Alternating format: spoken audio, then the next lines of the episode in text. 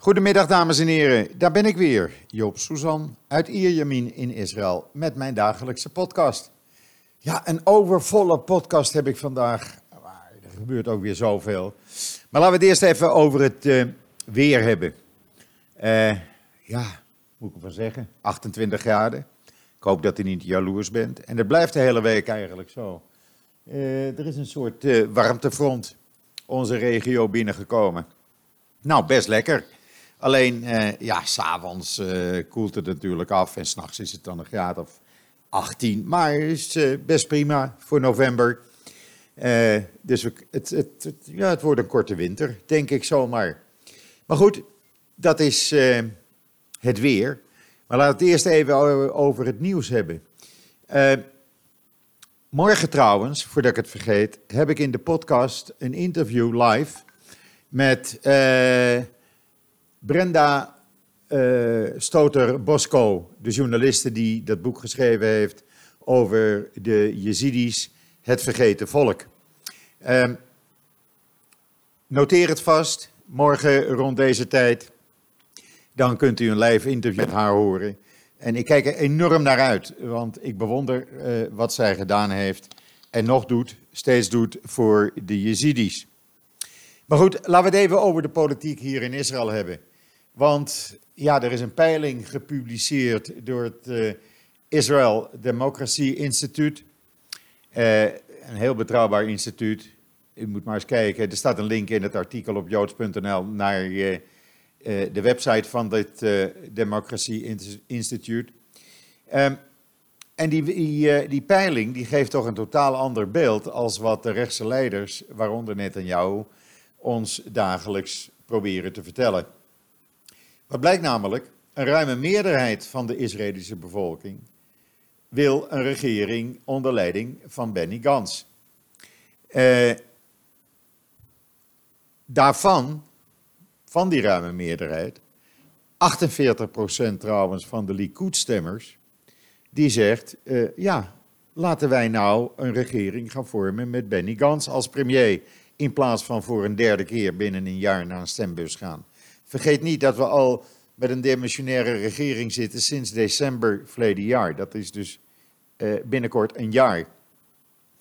Een ander belangrijk punt is dat 62% van alle Israëli's zou graag willen dat de partij waar ze op hebben gestemd aan de regering onder leiding van Benny Gantz deelnemen. Niet alleen de meerderheid van uh, uh, de linkse partijen, maar ook bijvoorbeeld uh, Yisrael Betenu van Lieberman of uh, de Arabische lijsten. De mensen die daarop gestemd hebben. Ook opvallend is dat 49% van de mensen die op de rechtse Yamina-partij hebben gestemd, die dus in dat rechtse blok zitten van Netanyahu, waar die zo mee schermt, die wil ook dat hun partij deelneemt aan een regering onder leiding van Gans. Alleen bij de ultra-orthodoxe partijen was dat minder, maar dat uh, was te verwachten vinden trouwens toch veel, uh, nog steeds een derde, vindt uh, dat, er een, dat ze, hun partij met Benny Gans moet samengaan. Maar goed, 53% van de Israëli's die vindt dat er dus een nationale eenheidsregering moet komen. 17,5% zegt, nou het maakt mij niet uit, laten we maar weer verkiezingen ingaan. En 13% zegt, ach, als het niet anders kan, dan maar een minderheidsregering. Uh, gevraagd naar de toekomst van de democratie in Israël is minder dan de helft, zo'n 43 procent, uh, daar nog optimistisch over. Het percentage pessimisten is vooral hoog onder diegenen die uh, zich als zijnde links identificeren. 54,5% van de Israëli's die zegt wat betreft de veiligheid, maar dat komt best goed. Daar hebben we vertrouwen in. En dan, hoe denken de Israëli's over Trump? In 2017 dacht nog 54 procent uh, over Trump. Nou, dat is een uh, uitstekende kerel, die gast kunnen we vertrouwen. Op dit moment nog maar 36 procent van de Israëli's die uh, Trump vertrouwt. Dus dat is behoorlijk gedaald. En dan iets wat ja, mij eigenlijk niet zo op, op, vind ik eigenlijk niet zo opvallend. 55% van de Israëli's wil dat de Israëlische overheid humanitaire hulp aan de Koerden in Noord-Syrië gaat geven. 39% van de Joodse Israëli's en 24% van de Arabische Israëli's is oké met hulp, militaire hulp aan de Koerden. Wat betreft het milieu, ja, dat, dat werkt niet zo in Israël zoals in Nederland. 35% eh, vindt dat de klimaatverandering de eerste prioriteit moet hebben.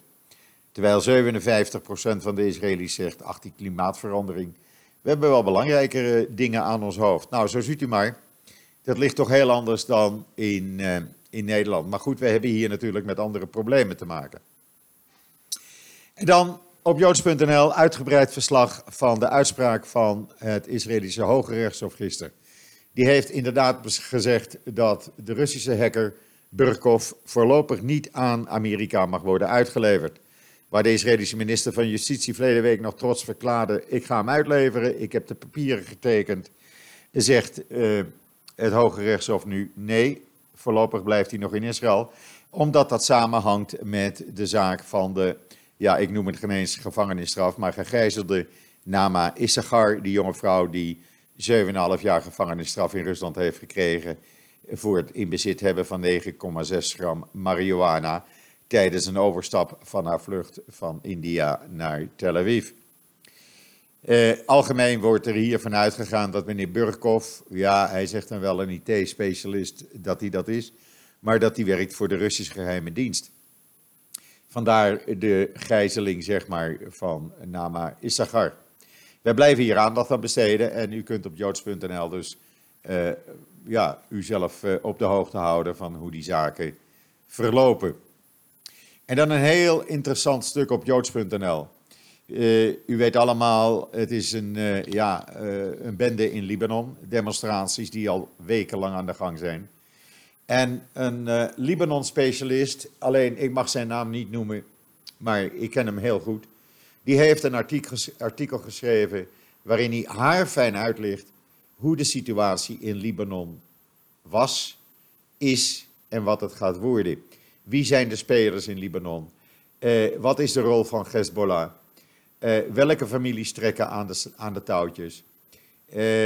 Het financiële gebeuren in Libanon, want het geld is op. Er is gewoon geen geld meer in Libanon. Het land is al lang bankroet. Nou, in ieder geval een heel uitgebreid artikel. Heeft u nog niet gezien? Het staat op joods.nl. En ik raad u aan het te lezen, want dan bent u echt helemaal op de hoogte van uh, hoe het is. En dan een uh, Gabat-echtpaar in Amerika, die zetten zich altijd al in voor kinderen met autisme. Rabbi Zalma en zijn vrouw Toba Grosbaum, die hebben in Livingstone in de Amerikaanse staat New Jersey een winkelcentrum gebouwd van ruim 1000 vierkante meter voor kinderen met autisme. Alleen voor deze kinderen. Het is echt fantastisch. U kunt uh, de foto's uh, uh, op joods.nl zien en het hele verhaal natuurlijk. En er is ook een video zodat u kan zien hoe dat werkt. Er zijn winkels, er is een bank, er is een manicure, eigenlijk van alles. En ja, uh, alleen maar om deze kinderen met autisme te helpen. Ze kunnen er naar de tandarts.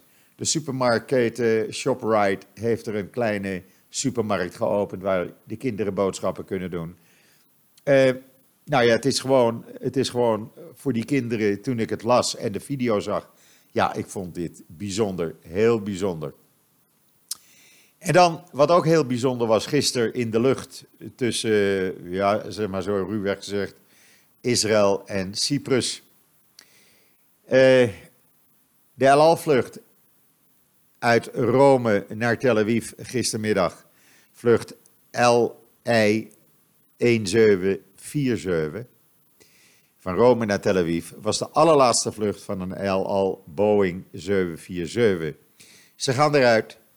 Uh, ze worden nu uh, vervangen, of zijn al vervangen, door de Boeing Dreamliners, de 787. En wat deden de piloten? Ik vind het een fantastische stunt. Die hebben op 10.000 meter hoogte uh, getekend in de lucht gisteren een 747. Ja, echt. U kunt de foto's op joods.nl zien. Het was van tevoren gecommuniceerd met Flight Radar, die dat dus op, uh, meteen oppikte en het wereldkundig maakte. Maar ik vind het echt fantastisch om met een toestel vol passagiers even in de lucht een, tekening van je eigen 747 te maken. Uh, trouwens, de 747 uh, is een bijzonder vliegtuig voor Israël geweest.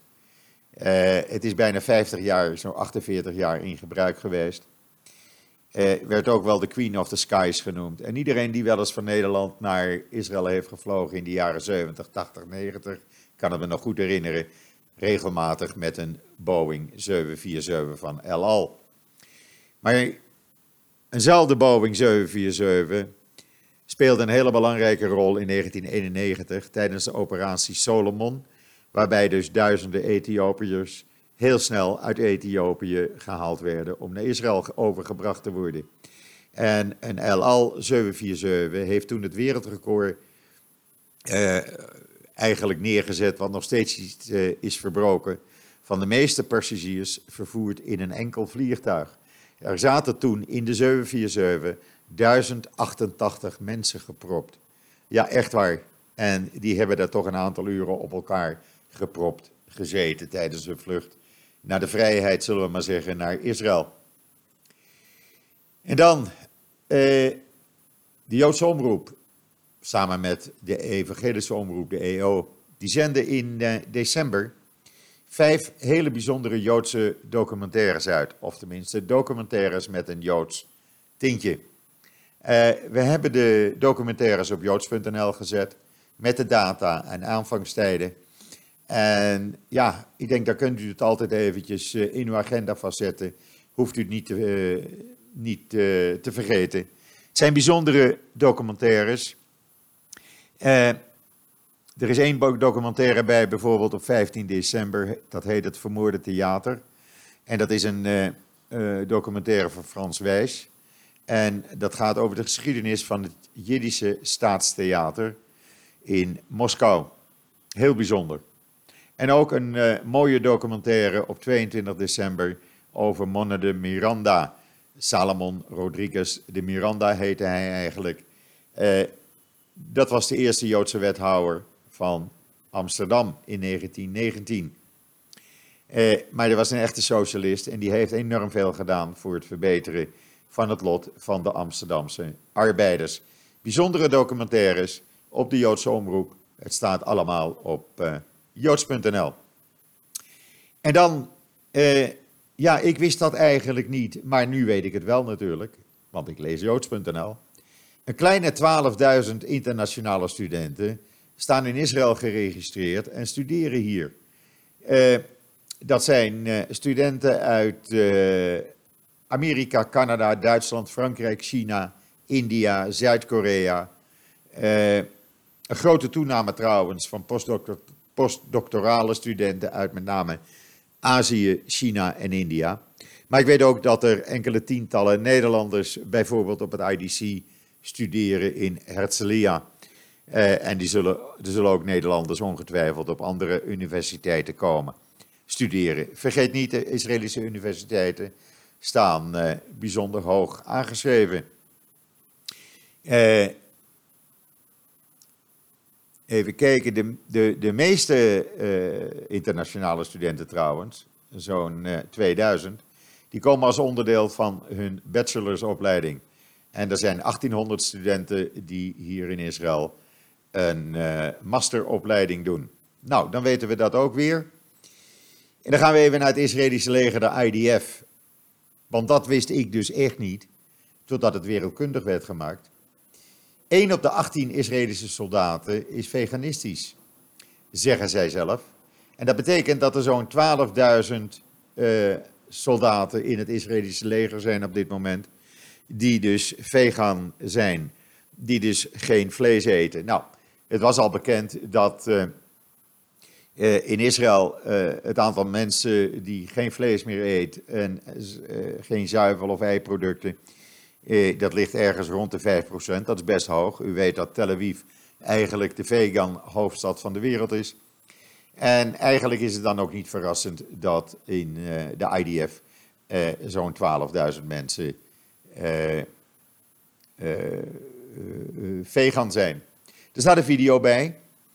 de IDF heeft natuurlijk speciale veganistische gerechten.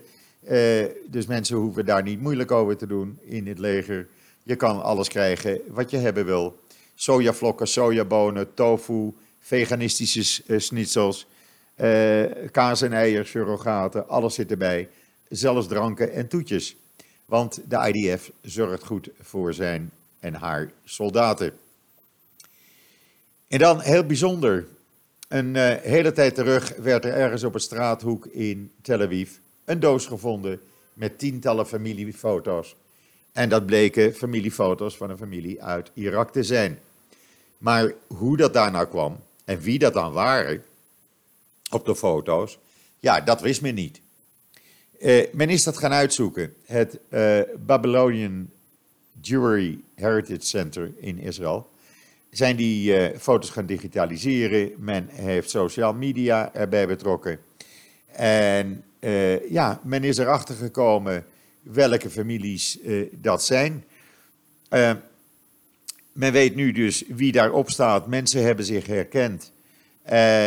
Onder andere een vrouw die een foto van haar als kleuter zag. Eva Kabay. Uh, en dat is echt heel bijzonder. Foto's die dus gewoon midden op straat gevonden waren. En dus nu eigenlijk ja, na al die tientallen jaren bekend is geworden wie dat zijn en wie erop staan. Ook een bijzonder verhaal op joods.nl. Uh, het verhaal van IDF Sergeant Valdi Nagrovida, die uh, bij Noam Nevis op bezoek ging. Noam Nevis is de vrouw die ernstig gewond raakte na een aanslag en waarbij hij haar het leven redde. Zij hadden elkaar nooit meer gezien. Twee maanden geleden voor het laatst na die aanslag. De video van de aanslag staat bij het artikel. En een heel bijzonder verhaal van uh, deze twee uh, mensen. Uh, waarbij de een de ander het leven heeft gered. En ja, dat is Israël en dat gebeurt in Israël regelmatig. maar het blijft bijzonder, elke keer weer. En dan, er is afgelopen zaterdag een Israëlisch stralingsbescherming ruimtevest naar het internationale ruimtestation gebracht. Dat wordt daar nu uitgetest. Het is een, uh, een vest waarbij uh, ruimtestraling wordt tegengehouden. Dus ja, uh, kijken hoe dat afloopt. Ik vind het bijzonder in ieder geval.